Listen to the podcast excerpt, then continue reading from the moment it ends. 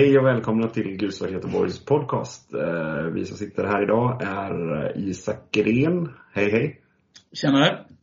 Och David Stadig. Båda två sitter på varsitt håll så ni kan vara alldeles eh, trygga med att vi har social distans här. Även om vi egentligen bara återigen sitter en utspark ifrån varandra kan man säga. Eh, I Göteborg av alla ställen. Um, yes, uh, vi såg uh, under gårdagen IF Elfsborg spela en uh, träningsmatch, eller egentligen två träningsmatcher. En uh, lite mer A-betonad match mot MFFs också ganska A-betonade 11 och sen också en U21-match med lite mer reservbetonad uppställning egentligen i båda lagen. Ehm, första matchen det var väl ändå huvudmatchen. Eh, vi vann vi med 4-0 faktiskt. Ehm, det vet ju alla i princip som lyssnar på det här antagligen, men ändå. 4-0 mot Malmö och det var ingen underdrift att säga att det var bud på mer. Eller hur? Eh, verkligen inte. Alltså det var ju, alltså framförallt andra halvlek så det hade ju lätt kunnat bli 6-7-8-0 nästan kändes det som. Eh, vi radade upp lägen och spelade med otroligt självförtroende som det, det är träningsmatch eh, ska vi säga direkt så att man ska inte dra allt för stora växlar. Men vi har inte sett den här nivån någon gång tidigare under försäsongen. Eh, så att det lovar ju väldigt gott för att vi behövde, det kändes som att vi, vi även om det bara är en träningsmatch så kändes det som att vi behövde lite av den här statement-prestationen ändå. Med tanke på dels cuputtåget men också prestationerna i sig i kuppen var ju inte jätteimponerande. Alltså, visst, vi vann mot Falkenberg men släppa in två mål mot dem var alltså inget man skryter om direkt. Liksom. Så att, eh, det kändes väldigt eh, härligt att se Elfsborg eh, igår lördag verkligen köra över Malmö fullständigt som hade ja, men, ordinarie lag. Det var Christiansen, det var Toivonen, det var Berget från start. De enda de saknade var väl Lewicki i princip. Eh, det var han nyförvärvet på topp eh, som de har lånat in som har en månadslön på 600 000 i månaden och ja, ett gäng andra, alltså ja, Ahmedhodzic spelare. Så att det var ju Malmös eh, ordinarie lag minus Lewicki i princip. Och vi saknar Simon Olsson och Flick, så att det jämnar ut sig. Så otroligt imponerande insats. Ja, verkligen. Det såg ju framförallt i första, andra halvlek så... första halvlek var ju ganska jämn, får man ju säga. Malmö kom ju ut ganska bra. Eh, trycker ner oss en del, även om det inte ser ut som att vi liksom har jätteproblem med det så blir vi liksom... Ja, det är väl, Jimmy Thelin säger ju det också i, i, i både i paus, eller i, efter matchen är det väl. Eh, Johan är det väl som pratar i paus och eh, Jimmy pratar efter match. Och då är det ju lite fokus just på att vi hamnar lite för lågt. Att vi liksom har svårt liksom att värdera riktigt om vi ska, när vi ska försvara lågt och när vi ska eh, gå högre helt enkelt. Och det håller jag med om. Eh, första 20 så har Malmö ganska bra grepp. Sen tycker jag att vi musklar oss ur det och eh, i slutet av första halvlek så börjar vi eh, ställa om extremt eh, vasst. Eh, och i andra halvlek så är det ju jag vet inte, Malmö tappar boll gång på gång på gång i mitten och vi vinner den. Och när vi vinner den så går det undan hela tiden. Vi har ju 7, 8, 9 riktigt, riktigt bra målchanser i matchen. Eh, vi gör ju också ett mål till blir bortdömt på grund av, eh, ja, som Okomo nickar in men som blir bortdömt. På grund av offside var det väl va? Eh, nej, bollen var utanför. Ja, så var det. Boll, ja, ursäkta mig. Bollen var såklart utanför linjen. Eh, det, det, är sant. Eh, men det, det vill ju sig inte riktigt för att komma i, i nicklägen. Men det är ju häftigt liksom just att vi kommer till de här extremt liksom snabba omställningarna där det verkligen smäller till. Bollen går in i mitten, ofta på eh, Marocko igår. Eh, och sen ut på en kant, oftast Johan. Och sen in i mitten och det är liksom farligt gång på gång på gång. Och Malmö lyckas ju inte stoppa detta trots att de ändå har eh, ja, men ändå två bra mittbackar. Liksom. Ahmed Hodzic är ju riktigt duktig. Och eh, Sebastian Lasse Nielsen är ju ingen dålig mittback men det, han ser ju rätt risig ut igår faktiskt. Och det, det är ju häftigt att se liksom att vi ändå eh, täpper till Malmö Malmös trut ganska rejält i den här träningsmatchen. Eh, och de har nog en del att tänka på efter den här matchen. Eh, ska jag säga. Men om vi går vidare liksom på Elfsborgs prestation mer och fokuserar mer på dem än Malmö. Eh, vad är det som liksom börjar klicka i, i, första, eller i slutet av första halvlek men framförallt efter paus? Vad är det som, vad är det som funkar bra Isak? Men jag tycker det är mycket av det man såg, alltså det som gjorde att vi kom tvåa i fjol. Det här extremt snabba omställningsspelet. Eh, vi vinner rätt mycket boll. Eh, alltså man var väl kanske lite orolig att Sivert Hedner Nilsson den rollen. Eh, man vet ju inte hur bra André Römer är, men när vi spelar med Römer och eh, Holst, som vi gjorde i andra, precis som i fjol när vi spelade med Holst och Sivert, så vinner vi otroligt mycket boll på mitten som gör att vi kan ställa om blixtsnabbt. Och Rasmus Alm, eh, jag tycker det pratas alldeles för lite om Rasmus Alm. Jag vet att David Ahlgren brukar hylla Rasmus Alm och ibland är han lite frustrerande att kolla på, men den speeden Rasmus Alm besitter borde det pratas mer om. För att han sprang ju åttor runt Knutsen och eh, ja, Ahmedhodzic igår. Eh, och gör det otroligt bra och river upp liksom hela Malmöförsvaret som gör att Johan Larsson får hela högerkanten att operera på.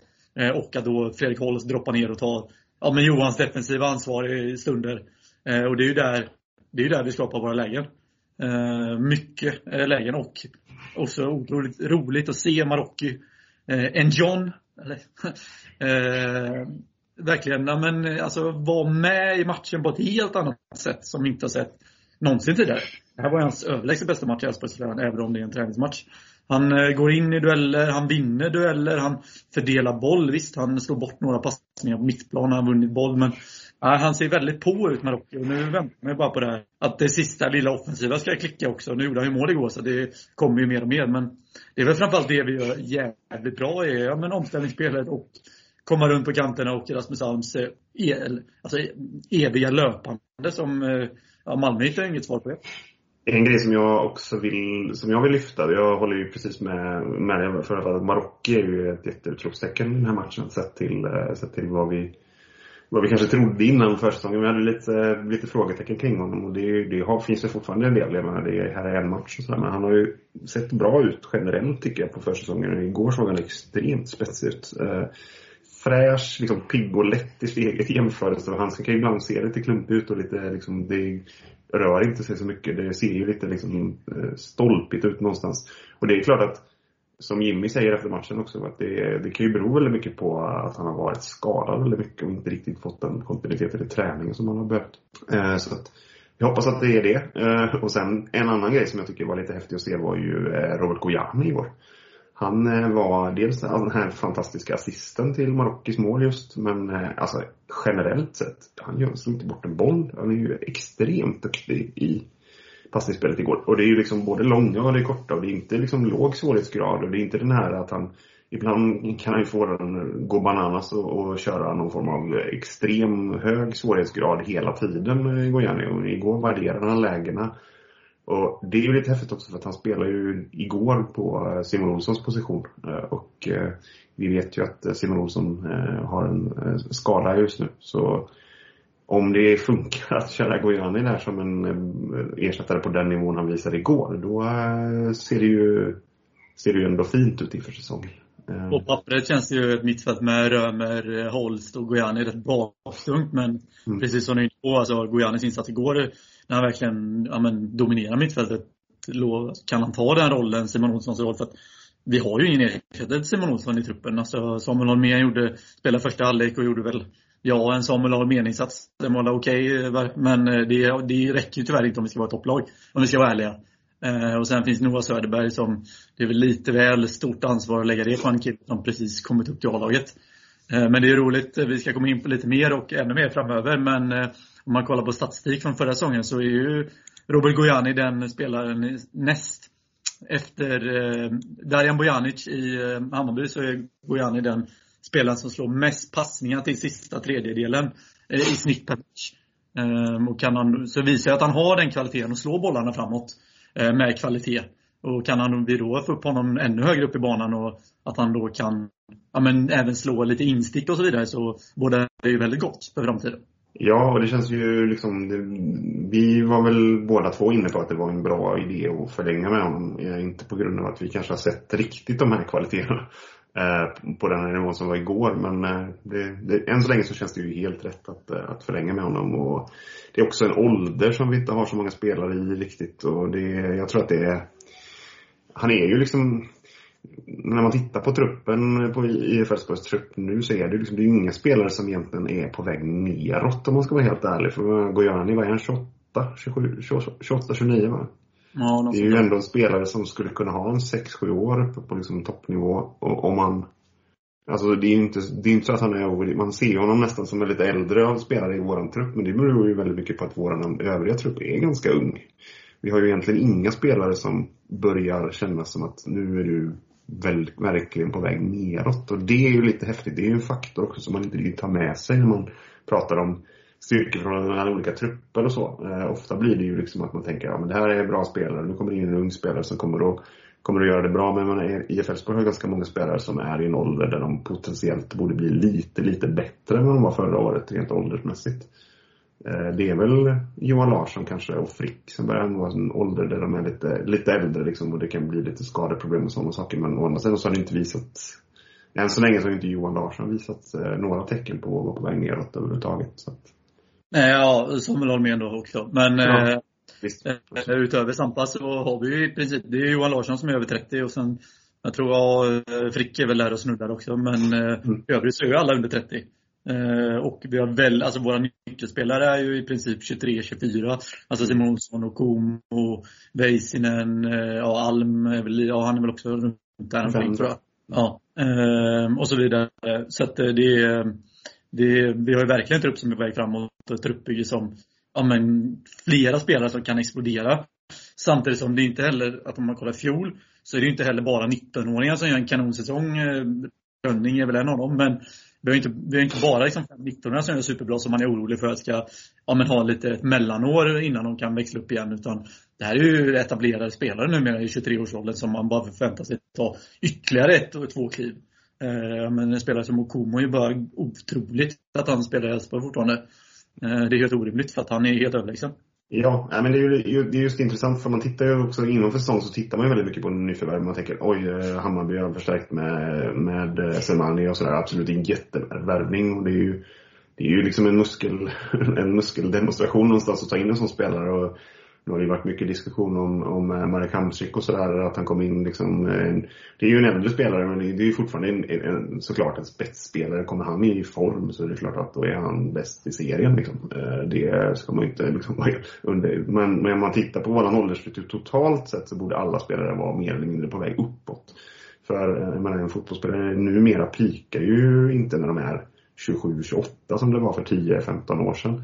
Utan det är ju en bit över 30 det är som de flesta fotbollsspelare pikar. Och då är det ju en extremt häftig åldersstruktur vi har på våran trupp. Så det är ju kul. Eh, och det ska bli väldigt intressant att se vilka som höjer sig mest. Och eh, det är samma lite med Marocko där. Man, man, man, har lite, blivit nästan lite skadad av de här, så här 17 och 18-åringarna som kommit upp i serien. Och så tycker man liksom att Marocken har varit med länge och sådär. Men, men, han är ju bara 20 va? Eh, ja, han är väl född 99 va, tror jag. Ja, så att, eh, fyller väl 21 år då. Och det är ju liksom, det är ju ingen ålder på en häst. Speciellt inte om har haft en del skador och sådär. Så det kanske är först nu han kan eh, träna ikapp och komma, komma upp i den potentialen som vi tror. Så att, eh, Verkligen. Jag ska inte lägga för mycket press på honom men det är ändå fortfarande, det är inte det är inte över för att man inte har slagit igenom hundraprocentigt när man är 20. Liksom. Det, det är Verkligen inte.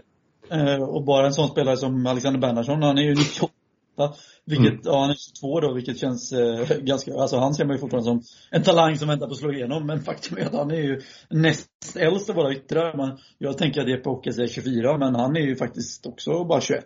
Mm. Eh, sen har vi Drejka som är för 00 och ja, eh, ytterligare, alltså Prins och eh, Ahmed Sassem Kassem, men för den 01 och 03 liksom. Mm. Eh, så att vi har ju väldigt mycket spelare som kommer underifrån. Ska man också komma ihåg att våran struktur normalt sett brukar ju inte vara att spela 17, 18, 19-åringar utan det brukar ju vara att vi satsar lite på att få spelarna att bli mer färdiga innan de kommer upp i A-laget. Eh, det, ju, finns ju bra exempel på det med eh, Rodén exempelvis, men även Claesson delvis. Och sen har vi ju Jesper Karlsson som också liksom kanske, jag menar i en, i en klubb som hade varit väldigt, väldigt sugen på att sälja honom dyrt, kanske hade kört honom, eh, spelat honom hela tiden när han var 17, äh, eh, när han var 18 och kom till klubben liksom och var sten, stekhet. Eh, på, på någon form av marknad. Men eh, det gjorde inte vi liksom och det kan man ju tycka, det är ju positivt och negativt såklart. Det kunde ju varit så att han hade slagit igenom snabbare och då hade vi kunnat få mer betalt för honom men samtidigt så är det inte riktigt så vi har jobbat historiskt och det är inte riktigt så vi jobbar nu heller. Så att det, Eh, Eh, det, det ska bli väldigt spännande att se liksom just det för jag tycker åldersstrukturen är något som vi kanske tar Man pratar inte så mycket om det när det gäller Elfsborg utan man, eh, man tänker mer liksom att ah, men det här är spelare som har varit med länge. Ja, de är fortfarande ganska unga och det kan fortfarande hända mycket utvecklingsmässigt med dem. Ja, jag tycker även också i år, alltså, du var inne på det här med försäljningsvärde och sådär. Och det känns som att debatten verkar vara numera, eller synen från mycket fotbollssupportrar verkar vara att ja men har vi inte sålt någon kille som är 17, 18, 19 så kommer vi aldrig få betalt för spelaren. Mm. Visst, ska vi få 100 mille så kanske vi behöver hitta en 17-åring som är världstalang. Men jag menar, vi har ju bevisat eh, att vi kan sälja spelare för ja, bra pengar som även som är 22, 23 år också. Mm. Eh, det får man inte glömma av. Eh, vi fick ändå 30 mille för Jesper Karlsson nästan. Vi fick liksom ja, 5-6 miljoner för Cabe och Henriksson var och jag menar det är också bra pengar om vi kan sälja flera sådana spelare. Mm. Så att man, jag tycker inte man ska stirra sig blind på att släppa fram 18-åringar som ska säljas för 40 miljoner heller. Utan en 5 15 miljoners försäljning sticker kanske inte ut i sig och förändrar så mycket men ett par sådana eller tre sådana så är det väldigt bra pengar det med. Yes, sen så är det klart att man alltid kan tycka liksom att uh, Jesper Karlsson, att man vill ha ännu mer pengar för honom och sådär. Men det är ju, ja, marknaden är ju vad den är. Det beror ju väldigt mycket på vilka klubbar som faktiskt går in i en, i en budgivning. Liksom. Och Eh, Eh, nu är ju Premier League exempelvis inte så realistiskt att en svensk spelare skulle gå till direkt och då försvinner ju klart att den, den mest lukrativa marknaden försvinner ju från bordet och då, då gäller det ju att få liksom spanska, italienska och franska och klubbar med, med, med bra muskler då och liksom börja bjuda mot varandra för det är då man kan få mycket, mycket pengar. Och där är kanske inte Elfsborg riktigt i, i dagsläget men eh, om vi fortsätter att jobba med vårt topplag och slussar in spelare som, med kvalitet så är det klart att då händer saker. Eh, apropå slussa in spelare med eh, vad vi hoppas kvalitet. Eh, vi hade en, eh, en debutant i Elfsborg igår. Det var ju en träningsmatch. Det är ju inte en, eh, en debutant på det sättet, skarpa sättet så att säga. Men vi hade Maudo Jarouet, borde det vara någonting uttalsmässigt. Eh, lite, lite lurigt eh, såklart eh, med den där ax, grava accenten eller vad man nu ska kalla det. Jag borde kunna det från gamla skolfranska men eh, det, det är ungefär någonting sånt han heter i alla fall. Eh, mittback. Eh, ganska stor spelare. Såg väl rätt fin ut tyckte jag. Rätt rörlig ändå. Vad säger vi Isak? Ja, det, nu spelar han ju bara 45 minuter men mm. Han såg väl ut lite som, jag skrev det till eh, Erik Olin efter typ 10 minuter, en kvart, han ville ha någon rapport. Och frågar hur han såg ut så är mer aggressiv och komo om det nu är möjligt. Men han började verkligen med att bara kliva upp och gå in i varenda duell över hela banan. Och han vann väldigt mycket dueller ska sägas. Mm. Eh, men jag tycker han såg, eh, alltså liknar Komo väldigt mycket. Eh, stor, stark, snabb. Ändå hyfsat trygg med bollen. Han är kanske inte det här extrem, extrema långa passningsspelet som Komo har. Han visade i alla fall inte upp det igår. Men väldigt lugn och trygg med bollen och samtidigt som han det är ju en bäst. Alltså han såg ju, det är ju inte en spelare man puttar undan direkt, så kändes det inte som. Eh, så där har vi nog gjort en väldigt eh, fin scouting. Nej, han såg ganska rapp ut också. Det tycker jag i, i, i det spelet som Elfsborg har, där vi släpper kanterna väldigt mycket och sådär, så är det ju viktigt att vara följsam och snabb. Och det är ju Kongo. Han är galet snabb till och med. Och eh, såg också eh, helt klart rapp ut. Och det tycker jag var lite spännande för att ibland kan man känna att det är lite eh, det är en sak att vara tung men man måste också kunna klara av att vara, vara snabb i, i alla fall i Elfsborgs spel. Så att, eh, det såg häftigt ut tycker jag ändå. Eh, sen hade vi också en, en spelare som jag har spelat lite grann här under försäsongen men som ändå han fick lite mer minuter kanske och man fick eh, känna på honom lite mer och dessutom kanske lite mer skarpt läge för det var lite bättre motstånd än vad vi haft tidigare. Även om vi åkte på däng mot Degerfors exempelvis. Men Römer, eh, André Römer, defensiv mittfältare, ersättare till Sivert. En annan typ av spelare till stor del tycker jag. Eller vad säger du Isak? Eh, ja men verkligen. Eh, men en spelare som eh, kanske är lite mer positions, alltså mer Henning Hauger än Sivert Nilsson kanske.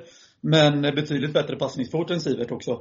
Mm. Eh, och där kan vi göra då, alltså, det kan ju båda gott. Att, för vi är ju lite svaga på, på att drilla boll på mittplan. Eh, det är inte vår identitet eller taktik, men eh, Johan Larsson var inne på det i paus också, att vi måste ju kunna vila lite med bollen ibland också. Mm. Vi snittade under 50% bollinnehav i fjol. Vilket är ganska anmärkningsvärt för ett lag som kommer tvåa trots allt. Så där tror jag André Römer kan bidra väldigt mycket med att lugna ner och fördela boll både i korta men även lite halvlånga spelet upp mot våra yttrar och forwards. Ehm, och ser brytningssäker ut och ja, men han ser väldigt välscoutad ut han med. Även om det är lite skillnad i spelartyp mot Sivert.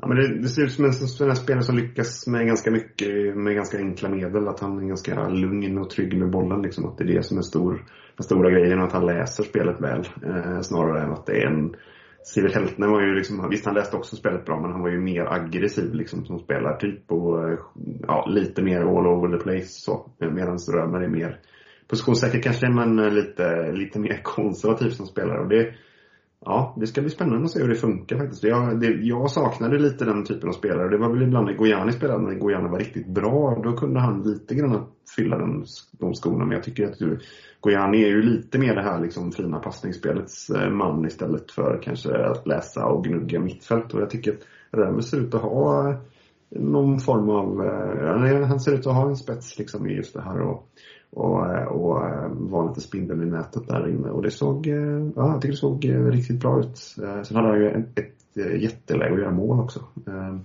Han kom in från ytterzon. Ja, men det är försiktigt optimistisk kring mittfältet ändå. Faktiskt. Verkligen. Det känns som en spelare som, vi har varit inne lite på det och jag har sett en del andra, ja men, vad ska man säga, expertpoddar inom citationstecken. Ja men nämna att vi Sivert var ju instrumental i förvandlingen som gjorde oss till ett topplag och verkligen ja, men, satte en mentalitet i laget som vi inte hade innan. Men nu kanske vi har kommit till nästa steg, att vi måste ta nästa kliv. Och, att, och kanske vi behöver då en mer skicklig spelare som André Römer ändå verkar vara. Um, och att vi har ja, men kulturbärare i Larsson och Frick och några till istället som kan ta det som Sivert bidrar med och att det fortfarande finns kvar. Men att vi då får lite mer passningskvalitet och ja, men offensiv, offensiva vapen eh, även från den defensiva mittfältspositionen. Och eh, även en spelare som kan göra lite poäng ser det ut som. Ja, vi, jag märker ju att vi är extremt positiva här men det finns inte så mycket att inte vara positiv kring när det gäller den här matchen. Sen eh, vet vi alla att vi inte är nöjda med cupprestationen men eh, det är inte så mycket att göra åt nu utan nu får vi se framåt helt enkelt. Eh, den andra träningsmatchen vi hade, om, om, vi ska ta upp individuella prestationer har vi redan pratat lite grann om. Vi var ju inne på att du tyckte att Alm var riktigt duktig, höll med där. Jag tycker också att eh, Marocki såklart höjde sig, det sa du också. Så det är vi överens om och sen så har vi pratat nyförvärven och jag tycker att det är liksom, totalt sett eh, bra insatser. Eh, är det någon mer som du skulle vilja lyfta? Jag tycker ju faktiskt att Simon Strand, eh, inte bara för sin dunderfrispark, eh, men han ska nog också ha lite cred tycker jag igår för jag tycker att han såg lite mer positionssäker ut än vad han har varit på sistone. Tycker du det Isak, eller det? Eh, han vad? Eh, ja, det det får man väl säga att Simon Strand ser, han ser väldigt rapp ut. Jag tycker han ser väldigt bra fysisk form. Mm. Sen eh, kommer jag nog irritera mig väldigt mycket på hans vänsterfot för den är inte toppklass. Han är ju högerfotad som alla vet. Så att, eh, men det blir mycket, eftersom han spelar vänsterback, att ibland kommer inlägg och skott med vänstern. Och det har han inte riktigt bevisat att han klarar av att ha någon vidare kvalitet. Så där finns det verkligen något att jobba på. Men absolut, Simon Strand gjorde en klart, eh, klart godkänd insats och ser, ser ut att ändå, alltså, det är ju en spelare av god allsvensk kvalitet. Eh, ingen snack om saken. Men någon som jag ändå vill eh, passa på att lyfta lite, som var otroligt roligt att se från Vall var ju, eh, vi har nämnt han, men Alexander Bernhardssons inhopp. Ja, men var borta i princip ett år. Eh, gjorde ju 20 minuter i kuppen mot Blåvitt och sen, eh, ja, har han varit skadad sen dess. Och var skadad eh, redan innan den cupsemin. Jag tyckte han såg väldigt pigg ut. Jag tyckte han såg extremt snabb ut faktiskt. Eh, väldigt bra driv i steget. Eh, kunde utmana på ett positivt sätt. Så att där har vi verkligen en joker som ingen egentligen har räknat med och som man, ja, jag tror alla utanför eh, Borås och Elfsborg har glömt av. Eh, men det är trots allt en spelare som i princip hade Gustav Ludvigsson stats i, eh, i Öjsnöt eller Superettan. Lite mindre poäng kanske. Ehm, så att kan vi få Bernhardsson hel och frisk och i form så tror jag han kommer konkurrera ut Jeppe Ockels. Eh, för Ockels tycker jag fortfarande har lite kvar att bevisa. Ja, men det är en intressant eh, konkurrenssituation där i alla fall. Jag, tycker, jag håller med dig att jag tyckte han såg eh, rapp, och rapp ut. Vi hade lite diskussioner om hans estetik som fotbollsspelare. Ja, det är någonting som, det är just den här älgande yttern. Jag har lite svårt för den. Ja, det är lite samma med Ludvigsson egentligen, men han är också den, lite den typen av spelare som bara det ser inte så himla vackert ut när de spelar fotboll direkt. Och det behöver du inte alltid göra. Men jag är lite mer, jag, menar, jag är, det är väl lite, du är väl lite mer anglofil och jag är lite mer italofil kanske. Precis. Jag älskar den typen av spelare. Ja. Nej, och det kan ju jag göra också såklart. Det är ju häftigt med spelare som ändå får saker gjorda trots att det ibland kan se lite, lite avigt ut. Det är ju, det är ju häftigt, absolut. Det är äh, och är kul att han är tillbaka och, och konkurrerar på riktigt. Det är ju superhäftigt. Det är ju som ett, ny, som ett nyförvärv. Så det är kul. Eh, det var också en andra match där. Eh, jag vet inte om vi ska orda så mycket om den. Det är klart att när vi nämner den första så ska vi väl nämna den andra också. Vi förlorade med 3-1 blev det väl till slut, som jag förstod det. Jag tittade inte på den här matchen. Eh, gjorde du det Isak? Nej, tyvärr. De rapporter man fick var ju att spelet såg rätt okej ut. Malmö kändes lite mer Ja, det var väl kanske lite mer A-lagsbetonat lag eh, som de hade. De har ju bredare truppen hos eh, så, mer etablerade spelare i alla fall på, eh, i truppen. Och det kanske gör viss, eh, gör viss. De har ju tydligen en, eh, de har väl ett nyförvärv där som också som gjorde två baljor som jag förstod det. Ehm, så ja, det är svårt att uttala sig om matchen i någon större utsträckning men vad man hörde rapportmässigt i alla fall så såg det inte så illa ut. Så det var ju liksom ingen katastrof att de förlorade den men, men det är klart ja, det, det hade varit gött att vinna båda såklart. Om vi går tillbaka vidare lite till de andra nyheterna som varit på sistone. Vi har ju inte poddat på ett tag, så vi hade ju en match mot Falkenberg där. Eh, 3-2. Vad, har du någonting att orda om den? Om vi börjar där bara, med spelmässiga. Egentligen inte. Jag tyckte väl, man såg väl ganska tydligt att vi var både ett och två nummer större än Falkenberg och det fanns vissa lovande tendenser i anfallsspelet, men eh, som vi var inne på lite i början, där släppa in två mål mot Falkenberg imponerar ju inte jättemycket och det var ju Johan Larsson inne på i halvtidsintervjun också att eh, de har tränat mycket försvarsspel i veckan för att ja, det är upp eh, ett och två snäpp vilket det såg mot Malmö då. Ehm, så att jag tycker väl inte det finns så jättemycket att säga om just Falkenbergsmatchen. Den kändes ju ganska avslagen ganska tidigt med tanke på att Degerfors eh, gjorde mål ganska tidigt mot Utsikten. Så var det ju mer som en träningsmatch det med. Ja, det blev ju så. Det är ju som sagt, det är ju Degerfors-matchen som, som är sur såklart. Eh, annars så gick det väl ungefär som man skulle kunna förvänta sig. Eh, en annan nyhet i veckan. Simon Olsson skrev på nytt kontrakt. Blev eh, väldigt eh, fokus på Twitter här ett tag. Twitter och Instagram ett tag när det var, kom ut en bild på en, en, eller en video. Eh, ganska grynig, lite skakig video när man producerade ett nummer 10. Ett nummer 10-tröja helt enkelt. Då började spekulationen att dra igång. Det var ju lite gamla kanoner som är klubblösa som det pratades om. Exempelvis Honda och vad hette den här gamla City-floppen? Kommer jag inte ihåg men... Eh, Wilfred Boney. Boney, ja precis. Eh, det var lite snack om att det skulle kunna vara någon av dem där men eh, nej, det var det inte och det är väl eh, rätt så skönt det skulle jag säga. Även om det hade varit lite, lite spexigt kanske. Ehm, framförallt Honda kanske hade varit det. Viss, eh, viss eh, ekonomisk potential i. Men det blev istället Simon Olsson på nytt kontrakt och ny tröja. Eh, vad säger vi om det Isak? Ja, men jag tycker det säger att eh, det är ett jävla styrkebesked av IF Elfsborg och även väldigt hedervärt av Simon Olsson också. Eh, även om ja, han såklart får en bra mycket högre lön vid det här kontraktet än vad han har idag.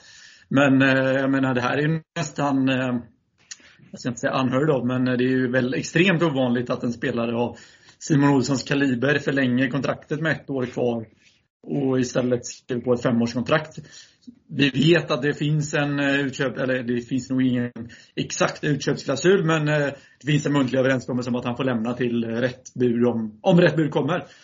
Men jag menar, det är ja, trenden med att vi har i princip inga Bosmanfall i Elfsborgs historia. Och det är ju något unikt och där ska ju Stefan Andreasson och även numera Jimmy Tillin ha all cred i världen. För att det här säkerställer att vi får betalt för Simon om den dagen han lämnar.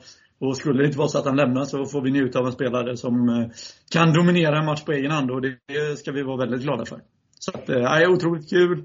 Eh, styrkebesked och visar ju på att eh, föreningen mår bra, för det här hade ju inte hänt i en förening som inte mår bra. Nej, och det är ju det är bra. För oss är det ju bra att det är allsvenskans mest underskattade spelare. Så det, det är ju skitbra för vi tycker att han är grym och eh, han bidrar enormt mycket till vårt spel. Så, men eh, det verkar inte någon, någon proffsklubb inte ha fattat. Så att, eh, det är väl bra för oss. Och sen är det klart att det är lite tråkigt för Simon. Men eh, kanonkul att han har förlängt och ska bli jättespännande att se när han är tillbaka. Nu är det ju så att han har gått och blivit skadad här också och det pratades väl om att det nog blir svårt att komma tillbaka innan EM i alla fall. Det var operation på gång. Jag förstod det. Eh, så att vi får väl hoppas att det går, går bra för Simon där och att eh, han är tillbaka i gammal fin form till sommaren det är ju på ett sätt lite tacksam säsong. Om man nu ska bli skadad på försäsongen så är ju det här bättre då med tanke på att det var åtta omgångar innan EM och EM-uppehållet är ganska långt. Så får hoppas att eh, han helt enkelt kan rehabba på ett bra sätt och eh, ta hand om sig. Så, så eh, ser vi fram emot att se honom komma tillbaka i, i sommar. Sen pratades lite andra förlängningar. Okomo och Frick är det lite spekulation kring och det mesta låter väl som att det faktiskt finns en ganska bra möjlighet till förlängningar där. Säger de det Isak? Eh, ja, men framförallt eh, har det väl kommit ut om Okomo, vilket låter helt bisarrt att han skulle förlänga kontraktet. Men det är också den här lite Simon Olsson-grejen att eh, ja, det är win-win. Okomo får högre lön under ja, den tiden han spelar hos oss.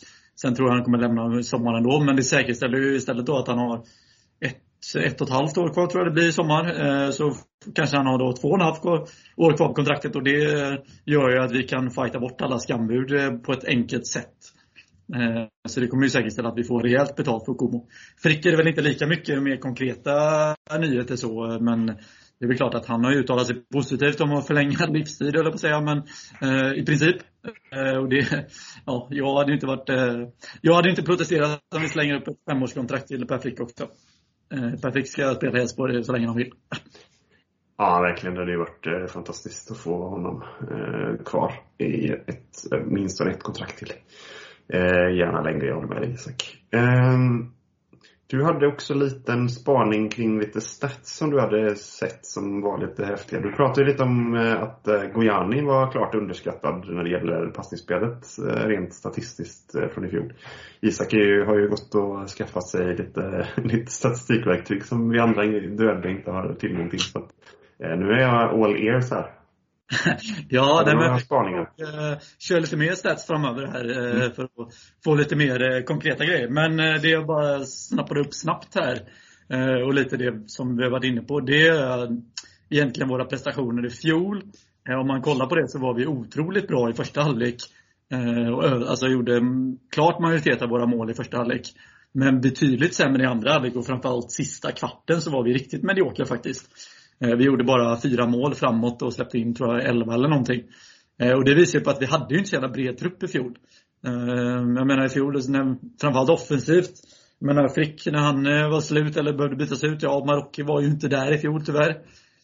Ondrejka gjorde ju inte, alltså han var väl helt okej okay, men det var inte heller någon spelare som kom in och förändrade en matchbild direkt. I fjol. Och i övrigt så fanns det ju typ ingenting. Hymmet var ju bedrövlig det lilla han spelade. Mm. Medan i år då, med, nu har Ondrejka ett år eller fått ett år i A-laget och han ser ju betydligt piggare ut. Mm. Eh, och, kan vi, och kan vi då få Bernhardsson frisk, Marocki eh, hetare eh, och så vidare och så vidare så känns det som att vi har betydligt mer offensiv bredd att slänga in och kanske förändra en matchbild eller ja, men forcera in en kvitteringsmål eller ett avgörande mål. Och det var ju någonting vi verkligen saknade i fjol, att kunna omvandla de där 15 kryssen till seger sista kvarten. Och det känns som att vi har betydligt fler spelare att kunna göra det i år. Så det känns ju väldigt lovande. De två spelarna som väl ändå ganska ofta var tvungna att byta och som dessutom drog ner vår kvalitet ganska mycket när de gick ut, det var ju Frick och men framförallt Simon Olsson. Eh, så det är väl där, det är ju nyckeln, att vi får mm, två spelare egentligen in där det, behöver inte, det är ju inte nya spelare, men nu är det ju eh, som det verkar Endione och, och eh, Gojani som kommer att spela på de positionerna när Simon inte är tillgänglig eller är fri, Per inte är fri, tillgänglig. Vad det verkar just nu i alla fall. Eh, även om det finns andra spelare i truppen som också skulle kunna spela där.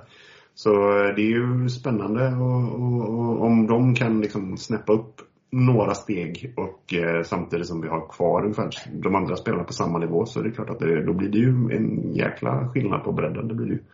Sen har vi väl också, det är klart vi har ju inte egentligen breddmässigt så har vi inte förstärkt truppen mer än att vi har eh, fått in lite lärlingar som kanske, ja det är väl alltid så i början av säsongen att de ser väldigt spännande ut och sen så kanske det inte blir så bra. Eh, så kan det ju alltid vara, man ska inte sätta för mycket förhoppningar på att eh, lärlingarna kommer in och, och, gör fantastiska insatser. Men de ser ju spännande ut i alla fall. Många av våra lärlingar. Jag tycker, eh, nu tappar jag ju såklart namnet, men eh, vänsterbacken eh, Ja, exempelvis. Sandén såg jättefin ut. Eh, vart lite skadad här. Eh, ska bli intressant att se om han kan konkur- konkurrensutsätta utsätta Strand lite grann, för annars har vi ju en liten svagare position på vänsterbacken eftersom Rami har stuckit. Eh, och sen eh, även Söderberg tycker jag sett fin ut, även om han kanske inte fått ut riktigt så mycket som eh, man hade hoppats. Men han har ju ändå så, sett bra ut och sen har vi ju även Prins har fått spela en del, ser snabb ut, ser avig ut men kanske inte heller kommit till riktigt. Men eh, det är ju en Dione och eh, och eh, Sandén som framförallt har tagit för sig mer. Även Jack Cooper Love har har Love definitivt, absolut. Mm. Eh, riktigt go-getter. eh, En sån här klassisk eh, Fox in the box-gubbe. Eh, känns väldigt lovande. Ja, verkligen. Eh, kanon, verkligen. Får be om ursäkt för lite hackande i köket här bredvid. Men ja. Ja, men just framförallt att vi får ett år till på, alltså att eh, Ondrejka och Marocki har ett år till i A-laget bakom sig. Eh, och där är det, de är ju, alltså det är ju stora talanger. Eh, som nu har fått ett år att acklimatisera sig och känna på allsvenskan och spela Eh, ganska mycket i André Casall och lite mindre i Marockis. Men där har vi två spelare som förhoppningsvis kan ta ett kliv eller två i år och då eh, har vi ju den bredden plus Alexander Bernhardsson om han kan vara frisk. Så att, eh, ja, det är inte alltid bara nyförvärv som kan fylla på som bredd utan det är ju juniorer eller yngre spelare som kan ta ytterligare ett kliv eller två. Absolut. Ja, men jag är enig. Så jag tycker bredden totalt sett ser ju bättre ut än i fjol faktiskt. För att det ser lite spetsigare ut med de spelarna som har kommit upp. Eh, det har varit årsmöte här veckan också. Eh, det var ett ganska lugnt årsmöte vad jag hörde. Jag kunde tyvärr inte närvara. Eller det kunde ju ingen, men eh, digitalt heller. Eh, det var diskussion om eh, medlemskort och klubb, eh, medlemsnål var väl den stora frågan innan och även under mötet. Har du något mer som du vill förmedla där Isak? Eh, men jag tycker väl det var ett ganska, ja, det var ju som sagt ett ganska lugnt årsmöte vilket var skönt. Vi har ändå haft avhandlat tre stora frågor de senaste åren med konstgräs och eh, villkorstrappa och eh, nu ska vi komma, ja, damfotboll såklart. Eh, det visar ändå på styrkan i för det. Alltså, dels vi gjorde ett, vi har inte varit inne på årsbeslutet här, men vi gjorde ändå vinst på 15 miljoner i fjol, vilket är, jag vet inte, men det måste ju vara topp tre resultat i föreningens historia eh, på rak arm utan att ha kollat upp det. Eh, och vi har en väldigt stark, alltså vi har verkligen byggt upp ekonomin igen. Eh, och då blir det ju ganska för då finns det inte så mycket att ifrågasätta där eller kommentera.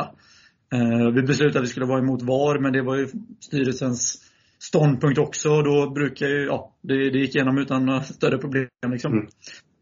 Men sen var det ju det här med, ja, medlemskort och PIN som, det blev en lite snurrig debatt eh, tyckte jag väl till slut. Men eh, jag hängde inte riktigt med allt själv. Men eh, jag tycker ändå det är fint att vi kan diskutera även, även lite mindre frågor som kan lyftas upp på årsmöten. Det ska inte bara vara klubbomvälvande frågor som tas upp utan det är fint att vi kan även ha lite debatt om lite mindre frågor.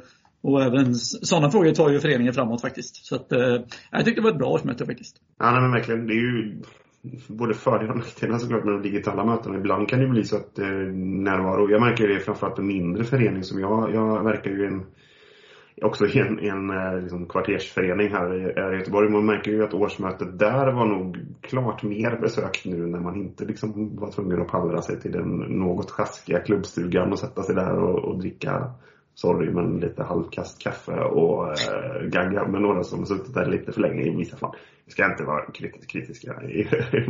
Det är jättebra, eh, fantastiskt eh, härligt med alla eldsjälar i svensk så gräsrotsfotboll. Men det är klart att det är lättare på många sätt att närvara vid ett digitalt möte. Det är ju, kan ju vara en nackdel på ett sätt, men det är ju liksom samtidigt eh, kan ju vara ett sätt att liksom få en liten, eh, en liten skjuts för direktdemokratin och att man kanske uppskattar det här. Nästa år kanske man uppskattar mer att gå till klubbstugan och, och ta den här koppen kaffe och, och snacka lite liksom, när man har möjlighet att göra det. Så att, gör gärna det. Gå med i den lokala föreningen också och, och verka i den om det, om det finns möjlighet. Det finns alltid behov av, av eh, hjälpa till med någonting sådär. Man kan stå och sälja bullar eller vad man nu kan göra när pandemin är över. Så det, gör det. Det är värt mycket tycker jag. Eh, Men det kan man ju också göra i, i IFL har säkert också behov här och där. Så det, om vi ska ta oss tillbaka till våran förening så, så, så eh, eldsjäleriet har man alltid behov av. Nu släpper vi det. Eh, ja, vi, annars är det vi egentligen ser fram emot en premiär. Djurgården ser tunga ut, spelar cup, spelade cupkvart idag mot Östersund, vann med 3-0. Såg eh, rätt spetsiga ut. Vi behöver inte prata för mycket om Djurgården. Vi kan ju göra lite Djurgårdsspecial i nästa podd kanske. Vi pratar, går igenom motståndaren lite grann. Eh, i övrigt så har vi väl en, en eh, träningsmatch kvar mot Halmstad vad jag vet. Är det någon till där? Jag för mig att jag såg någonting om det. Ja, vi bokade in en mot, eh, till mot AIK också. Just det. Och det var eh, inte hemma den här gången eller?